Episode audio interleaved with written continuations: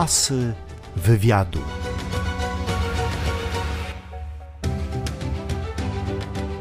Piotr Bukartyk, autor i kompozytor piosenek, konferencjer, artysta kabaretowy, człowiek niezwykle inteligentny i niezwykle wszechstronny. Jest kolejnym bohaterem projektu Asy Wywiadu. Barbara Fedoniuk, witam mojego gościa. Dzień dobry. Dzień dobry. Piotr Bukartyk, y, autor śpiewający, człowiek, który robił w życiu wszystko. Y, Bywa też aktorem, y, głównie bywa kompozytorem i grajkiem domokrążcą. Tak, tak się przedstawiam. Pamiętasz grajków domokrążców? Pamiętam, pamiętam grajków, ulicznych grajków spotykam do tej pory. Co więcej, zdarza mi się usłyszeć numery mojego autorstwa w ich wykonaniu. Który? E, Piosenkę Dokąd się wybierasz i ją słyszałem już kilka razy. Po weselach grają niektóre tam te numery, zwłaszcza ten w wykonaniu Zbyszka o kobietach jak te kwiaty. To, to moja piosenka, która stała się przy, przez moment elementem takich oczepin czy czegoś tam. To w internecie znajduję. A ty, Piotrusiu, tym grajkom y, ulicznym rzucasz pieniążki? Oczywiście, że tak. Tak jak tylko mam. Bo to nie zawsze mam, ale jak mam, to tak. Ty właściwie śpiewasz i piszesz y, od szkoły średniej. Powiedz mi, jakie piosenki do ciebie przychodziły wówczas? Takie o tym, że wielka jest przepaść między tobą a wszechświatem. Ale czy- absolutnie tak, jestem autorem co najmniej 100 ballad samobójczych, które ostatecznie dobrze się dla mnie skończyły, bo żyję i mam się dobrze. Opisywałem ten proces absolutnie bez jego znajomości, chociaż teraz młodym ludziom, którzy pytają jak coś napisać i przynoszą mi swoje pierwsze ballady samobójcze, to proponuję, żeby jednak najpierw się zabili, a dopiero potem to opisali. Olsztyn jest dla ciebie ważny na mapie twojej drogi artystycznej, bo właśnie tu na spotkaniach zamkowych w 82 i 83 roku wyśpiewałeś pierwszą nagrodę. Nie, drugą. Drugą. Drugą, Drugą. I jakim byłeś wtedy Piotrem? Długowłosym, wiesz? Długowłosym. Teraz Długowłosym. jesteś troszeczkę bardziej krótkowłosym chłopakiem. znaczy mam włosy, ale się z nimi nie obnoszę po prostu. Do mam, wewnątrz masz. Mam, oczywiście.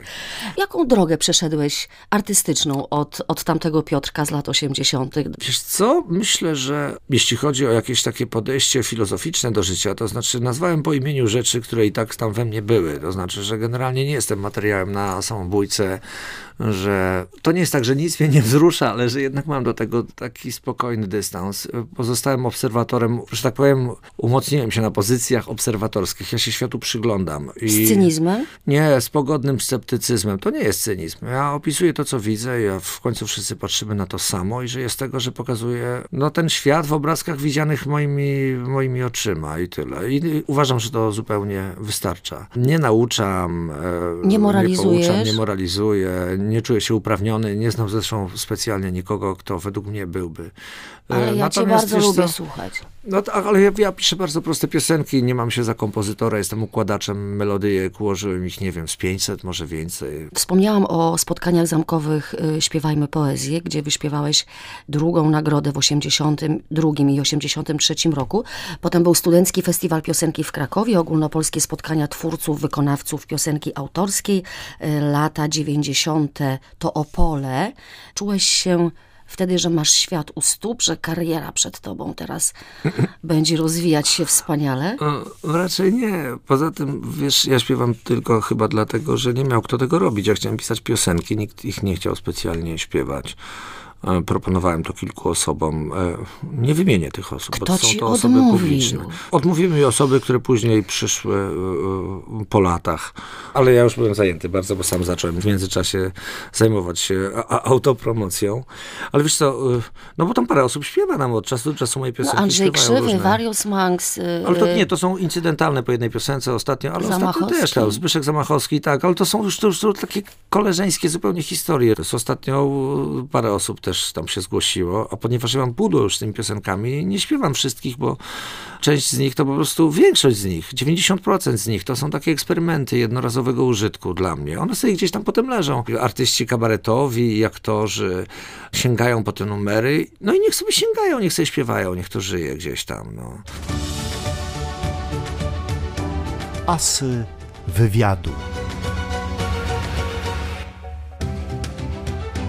Był taki czas, kiedy współpracowałeś e, z Egidą w najlepszych czasach tego kabaretu i śpiewałeś, występowałeś w towarzystwie naprawdę wielkich gwiazd. Ja No byłam tak. na takim koncercie e, kiedyś w Pałacu Kultury. e, Był Kaczmarski, był Gajos, był Pietrzak, była Ewa Błaszczyk.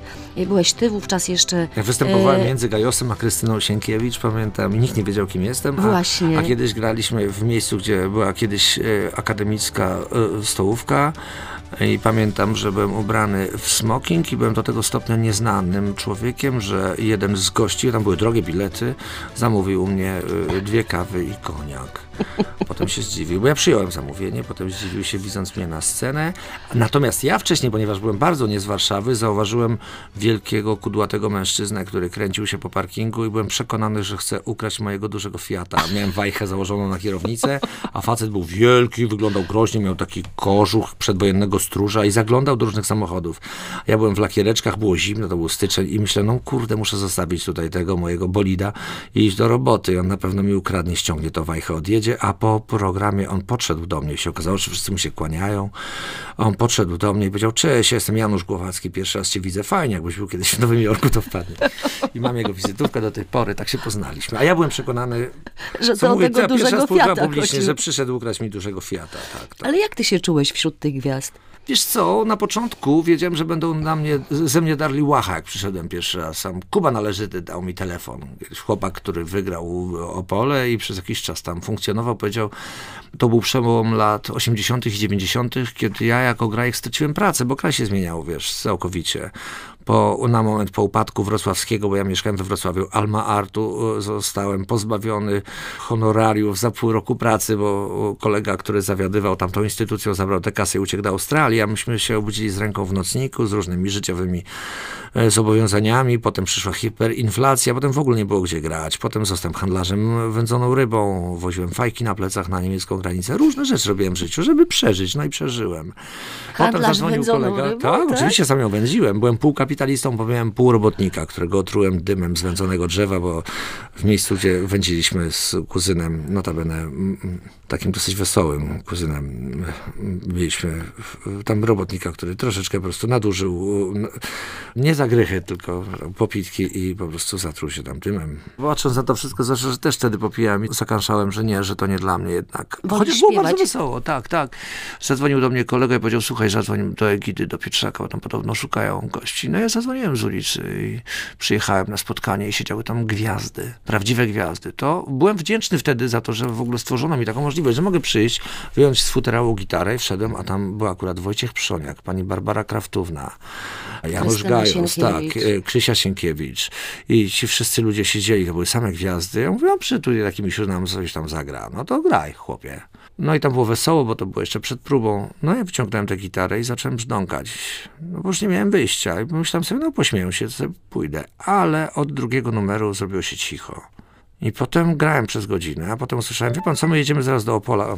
To, może pan z nami pojedzie na festiwal. No i pojechałem na ten festiwal. To był rok chyba 91. Ja tam dostałem nagrodę za, za piosenkę. Miałem dwie nowe piosenki. Wymieniłem na te nowe, dwie stare, które wybrano do, tam do, do programu. Podmieniłem teksty dzięki sekretarce wtedy, Egidy, która była dziewczyną mojego kumpla. I ona, ja zobaczyłem, że to jest konkurs. Ja o tym nie wiedziałem. Ja po prostu pojechałem na własny koszt. Wiedziałem, że wyjdę bez kapeli, bez niczego, z gitarzyną. Poznałem jakiegoś skrzypka, wiesz, i wypiłem z nim pół litra. I on zgodził się wyjść ze mną na tę scenę. I ja stałem, grałem na gitarze i coś tam pitoliłem na tej gitarze, a obok stał z tyłu, stał facet no i grał na skrzypcach. To było kompletnie bez sensu, ale nie czułem się sam, wiesz. Miałem taką koszulę, pamiętam, z Tajlandii, w jakieś takie straszliwe wzory. Wyglądałem jak ostatni kretyn, bo jest jakieś tam nagranie. I zaśpiewałem piosenkę o pingwinach i drugą, o starszych ludziach. Mi się okazało, że te moje piosenki zajęły w tym konkursie pierwsze miejsce i drugie miejsce. Skrzypek ci pomógł. Pomógł ten skrzypek. A ja wyjechałem do domu, bo tam nie było dla mnie hotelu. I zadzwonili, gdzie pan jest następnego dnia. W domu. No pani, pan wygrał, mam wraca. No to wsiadłem i już miałem hotel wtedy. I tak y, kariera I wróciłem, wiesz, do grania. rozpoczęła się na dobre. Najpierw podczas koncertów y, grałeś głównie swój autorski materiał, prawda? Ułożeni chłopcy, piosenka dla Wojtka Belona. Wychodziłeś po prostu z gitarką i, i swoje autorskie piosenki. Y, Nie, nie, ale wiesz co, jeszcze wcześniej, a tutaj, kiedy startowałem, to były takie konkursy recytatorskie, trzeba się było nauczyć wiersza. Ja nawet musiałem recytować. Pamiętam, że recytowałem Norwida, którego potomków bardzo przepraszam za to artystyczne nadużycie. Nie do końca ze zrozumieniem. E, No ale trzeba było. Taka była formuła tego wszystkiego. I musiałem też oprócz swoich rzeczy przedstawić coś, co byłoby poezją śpiewaną. Więc pamiętam, że e, pani miała na imię Maria, a nazwisko Meyer chyba. I opublikowano wiersz o starych ludziach tej pani autorstwa w gazecie Razem z tyłu. Obok zdjęcia roznegliżowanej kobiety i żartów redaktora Butryma był kącik poetycki. Tam był taki wiersz, który ja przeczytałem i ze znanych sobie trzech akordów ułożyłem do tego melodyjkę. Potrzebowałem zwolnienia ze szkoły, więc wystąpiłem w eliminacjach i tak to się zaczęło. Miałem z 16 lat pewnie. Może jeszcze nawet nie spełna, bo tam był szereg tych eliminacji i się okazało, że dojechałem aż tutaj. Aż do Olsztyna tutaj był totalny finał gdzieś tam. Asy wywiadu. Ale chciałam cię zapytać, dlaczego tak późno nagrałeś pierwszy album? Bo on się ukazał w 97 roku, czyli prawie dwie dekady Mhm. y, po rozpoczęciu y, twojej kariery. Y, Dlaczego tak długo nosiłeś w sobie te szampańskie wersety? Znaczy, ja, ja byłem je nosić gotów na zewnątrz. Cała płyta powstała dlatego, że w ogóle jakakolwiek możliwość nagrania płyty polegała na tym, że albo napiszę takich głupich, wesołych piosenek bardzo dużo, bo miałem dwie, napisane dla jaj zupełnie. Jedna dedykowana w sprawie Olina, e, nosiła tytuł Nie wierzę, wierzę. A druga była moim postulatem do upowszechnienia o tym, że każdy ma prawo do orgazmu. Napisałem ją na poboczu, czekając, aż się szlaban podniesie. Przyszło mi to do głowy, bo czekałem, jechałem do kumpli na próbę i przyszła mi do głowy piosenka z refrenem Każdy ma prawo do orgazmu. Orgazm to fala entuzjazmu. Myślałem, że będzie śmiesznie. Było zupełnie inaczej, ale bawiłem się dobrze przynajmniej. I propozycja polegała na tym, że jeśli dopiszę do tego jeszcze z dziewięć konkretnie, bo płyta miała chyba 11 tytułów, piosenek w tym stylu, to tak, a te wszystkie tam smuty, które gram teraz, to mogę sobie zatrzymać i nikt tego nie chciał. Więc ja w trakcie dwóch czy trzech kąpieli dopisałem te dziewięć piosenek i mogłem wydać taką płytę albo żadną. Wcześniej nikt nie chciał ze mną robić tych płyt, dlatego że moje piosenki były, no nie były rozrywkowe, nie tego oczekiwano od młodego wykonawcy, y, nie pojechałem na festiwal, nie wiem, w Zielonej Górze, czy gdzieś tam, miałem jakieś takie zbuntowane pieśni. Pamiętam kiedyś Przemek Gintrowski mnie jako chyba wtedy 17-18-latka gdzieś tam namaścił, co też nie było najlepszym pomysłem na karierę w tamtym kraju. Poza tym grałem, no, grałem dziwne rzeczy. Nawet jak wygrywałem jakieś takie OMPP, to byłem chłopcem, co był obrażony na świat, miał gitarkę i grzywkę, to nie wyglądało na potencjalny przebój. Ale nominacje do Fryderyka miałeś w kategorii dance i techno. No właśnie, zrobiliśmy sobie jaja i zostały y, przyjęte na poważnie. Myśmy po prostu zrobili żart. To miałem zrobić wesołą płytę. Obiecałem, dobra, zrobię, podpisałem kontrakt, ale nie czułem się w żaden sposób związany z muzyką taneczną, a ponieważ pracowałem z inteligentnym człowiekiem, z Jarogniewem Milewskim, który wcześniej wyprodukował pierwszą płytę niejakiego Leroya, Piotrka Marca. Zresztą tę płytę swoją pierwszą nagrałem w domu, który y, kupił sobie w Gdyni y, Piotrek Marzec za jakieś tam pieniądze na tym swoim sukcesie zarobione. I tam było takie studio. Myśmy produkowali tę płytę, robiąc sobie po prostu jaja cały czas, żartując sobie właśnie z tych wszystkich tanecznych nurtów, a tymczasem w, właśnie Zostało w kategor- to Tak, potraktowane zostało poważnie. poważnie. To taka jest historia. No, ja uważałem, że to jest żartobliwe i bawiliśmy się dobrze robiąc ten numer, a potem się okazało, że obrażamy uczucia religijne i cały szereg przestępstw został mi przypisany gdzieś tam. A ty przecież taki gorzej. A spolegliwy jestem- i grzeczny. Nie, ja dalej, ja dalej jestem za tym, żeby wszyscy państwo mieli orgazm, kiedy tylko zapragniecie, żeby wam się to udawało, żeby nic nie stało na przeszkodzie, a wręcz przeciwnie. W 98 roku wydałeś kolejny album z głowy, ale ten album jakoś przeszedł bez dużego rozgłosu. No, przeszedł bez dużego rozgłosu, bo sprawa oparła się o, o sąd. Mm. Chodziło o mm, coś, co traktowałem jako nieoczciwość e, wytwórni. Nie mnie konkretnie, a mojego kolegę mm, próbowano oszukać przy tym albumie, tu ale sąd przyznał mi oczywiście rację po jakimś czasie, z tym, że sprawę rozpatrzono tak późno, że już nie, nie było o czym mówić. Potem miałem taki mały wilczy bilecik na, na kilka lat. A, potem, przygarnął cię Wojciech Mann? Nie, nie, jeszcze, jeszcze, jeszcze dużo, jeszcze trochę czasu minęło. Wiesz, ja zadzwoniłem do radia z ulicy z, i do Krzyśka Skowrońskiego, który był wtedy szefem Trójki. Dostałem ten telefon, jego prywatny, od kolegi, który powiedział, że tam przytomny człowiek siedzi teraz i może do niego zadzwonić. Ja zadzwoniłem do gościa. I przedstawiłem się, on jechał gdzieś samochodem. Powiedziałem, że mam dużo fajnych pomysłów potrzebuję do tego anteny. A on powiedział, proszę pana, w trójce pracują najlepsi. A ja pozwoliłem sobie taki bezczelny zabieg. Powiedziałem, że nie, jeszcze nie, ale właśnie dlatego dzwonię. On zaproponował spotkanie, może zaintrygowany bezczelnością, a dopiero później uzmysłowił mi, że spotkaliśmy się wcześniej i że on przy okazji tej wcześniejszej mojej płyty zapraszał mnie kiedyś, kiedy był pracownikiem Zetki, do swojej audycji, która się nazywała jakoś polityczny koktajl, koktajl Mołotowa. To było coś dziwnego, bo pamiętam, że ja miałem skomentować rozmowę dziennikarza z ministrem finansów. Zresztą zdarzają mi się takie rzeczy, bo przy okazji tej płyty było tak, że Monika Olejnik kiedyś przy okazji tej płyty zaprosiła na spotkanie mnie i Bronisława Geremka. Jakaś paranoja, bo miałem piosenkę o przestępczości, nosiła tytuł Albo Albo i była singlem. W ogóle nie wiedziałem o czym z tym powszechnie szanowanym, również przeze mnie szanowanym człowiekiem Rozmawiać. a, a, a propos czego ja tutaj w tej, w tej audycji, ona mnie pytała o mój stosunek do przestępczości. Nie miałem żadnego stosunku, napisałem piosenkę, Matko Boska. No, polityką się nie interesuje, finansami też. Moimi tak, ale całą resztą nie. Ale zdarzały mi się takie rzeczy, dosyć kuriozalne, bo ta płyta właśnie, może dlatego, że była taka dosyć e, dziwna i rozbiegana Bo jeszcze była płyta mm, Ideały, tak? Tak. I jeszcze była płyta Live. Mhm. W każdym razie ja trafiłem do tego radia i zaproponowałem, że jestem w stanie na napisać piosenkę za chwilę. Na zasadzie cyrkowej sztuczki, wiesz? Daj mi piłkę, to ja stanę na niej na głowie, wiesz, i zagram na skrzypcach. Zresztą to niemożliwe, ja to robiłem. Oni słuchali, mówię, no nie jest to Konstanty Kulka, ale, ale brawo, brawo. No, robiłem takie numery, pisałem piosenkę, powiedz jakiś wyraz. E, Ja mam powiedzieć jakiś No, wyraz? to ja tak proponowałem. Powiedz jakiś wyraz i, za, i przyjdź za pół godziny, ja zagram ci piosenkę. E, namówił mnie na to, szczerze mówiąc, Marek Gaszyński w małym radiu dla ciebie w Warszawie, który spytał, czy ja nie mógłbym skomentować dnia. Proponował to kilku osobom. Zrobiłem to dla jaj. Że on powie, jaki jest dzień przewodni, ja wieczorem pacnę tę piosenkę. Rodzaj rymowanego felietonu. To samo w sobie jest dosyć męczące. Ja potrzebowałem większej wolności. Nie interesowało mnie opisywanie programu konkretnej stacji. No, Zupełnie nie o to mi chodziło. Ale taką próbę zrobiłem i wiedziałem, że mogę to zrobić. Chociaż nie byłem pewien, proponując radiu swoje usługi, że w ogóle jestem w stanie to wykonać. No ale pamiętam, że pierwszą piosenkę, którą napisałem, napisałem o kurze, bo padło słowo kura dla jaja. Ja mówię, dobra, następnego dnia usiadłem na antenie trójkowej, jako freak z ulicy po prostu. I temat był kura, proszę bardzo, piosenka o kurze jest. Pacnąłem piosenkę o kurze. Zaczęli dzwonić ludzie, co za wariat w ogóle, jak fajnie, że można ułożyć piosenkę o kurze. Wielu ludzi wpadłoby na, na to, jak napisać piosenkę o kurze, gdyby im się chciało. Pamiętam, że y, po paru takich występach y, wezwał mnie dyrektor Skowroński, powiedział, słuchaj, to jest za fajne, wiesz, ludzie dzwonią, mówi, musisz być u Mana. Ja Mówię, tak, dzięki. A on mówi, ale jesteś umówiony na spotkanie jutro z Manem z tym prawdziwym Wojciechem. No nie znaliśmy się wtedy.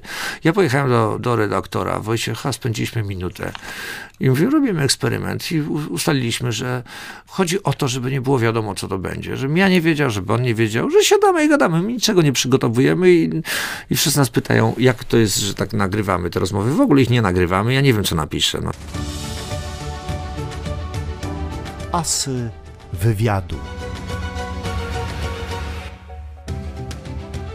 Jaka jest geneza piosenki? Niestety trzeba mieć ambicje, bo wiem, że ta piosenka była związana z filmem W niebowzięci, prawda? Z Była. Himlisbachem i z Maklakiewiczem. Cudnej komedii. Opowiedz, jak ona powstała. No zadzwonił człowiek i powiedział, że szykują na festiwalu gwiazd w, w Gdańsku koncert poświęcony pamięci panów Maklakiewicza i Himmelsbacha i że proszą o piosenki związane z filmem na temat, na zadany temat.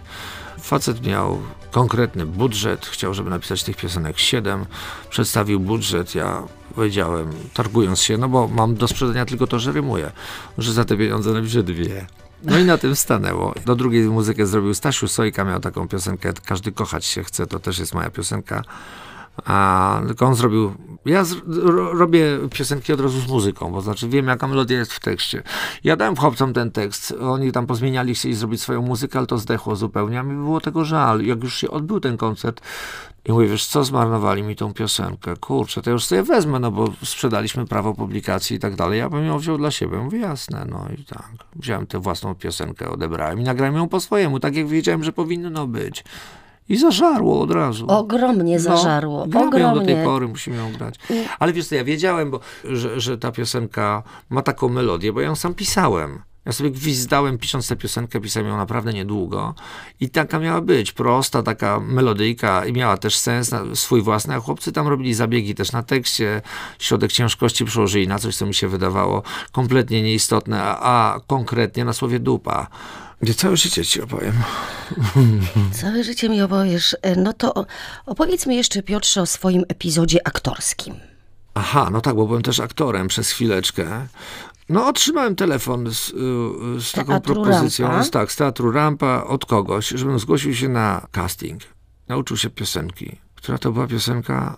Back on True. Back on True to the other side. Z repertuaru Dorsów, bo będzie sztuka o Dorsach. Pomyślałem sobie, fajny kawał. Wiedziałem, że mam wielu różnych kolegów, którzy myślą w oryginalny sposób. Myślę sobie tak, ja przychodzę na casting do roli Jima Morrisona, biorąc pod uwagę długość włosów moich i tego artysty, którego on A już zagrał. prezentowałeś tę fryzurę, którą Tak, nosisz już, już obecnie. przez całe lata, tak, tak. Się świetnie. Ja zagram y, tam 20-letniego studenta UCLA i będę śpiewał jeszcze po angielsku. Mój akcent jest, y, y, nie wiem, radzymińsko-ciechanowski raczej. Więc zgroza kompletna. No ale poszedłem z ciekawości. Co się okazało, że y, ten casting to w zasadzie nie był casting, bo trzeba było stanąć i zaśpiewać tę piosenkę, co zrobiłem. Chociażby dla hecy z ciekawości zagrał zespół złożony z, ze znanych mi skądinąd ludzi. Było to sympatyczne, tylko że y, ja nie miałem stawać y, do roli tego, do, do castingu na rolę tego Morrisona, tylko drugiego, Vana Morrisona i że w zasadzie to nie casting, bo nie ma innych kontrkandydatów. I że zrobił to kolega Miklaszewski, wówczas dyrektor teatru, którego znaliśmy z różnych innych historii. I że Arek Jakubik, z którym też znaliśmy się dużo wcześniej, jest, jest reżyserem tego spektaklu i że to był taki kawał. Ciekawe, czy przyjdę, czy nie. No przyszedłem z ciekawości się okazało tak, że fajnie. Że wygrałeś casting? Że i tak go wygrałem, nie przy, to, tak, zanim Gdyż przyszedłem. nie było bo, że- Gdyż nie, konkurencji. nie, tak, bo nie do tej roli. No, to, to, no i zaśpiewałem. No i zostałem tam 10 lat. Na 10 początku, lat kreowałeś? E, tak, ale to nie było wiele spektakli, nie wiem, tam z 200 by się uzbierało prze, przez te lata. Potem się pojawiało już coraz rzadziej. Na początku z Monikiem Staszczykiem na zmianę graliśmy epizod e, tego Vana Morrisona, później przez dłuższy czas e, grałem sam, a później no, siłą rzeczy oddałem to komu innemu, dlatego że już no, miałem inne zajęcia. Piotr Bukartyk był moim gościem. Dziękuję bardzo. Dzięki.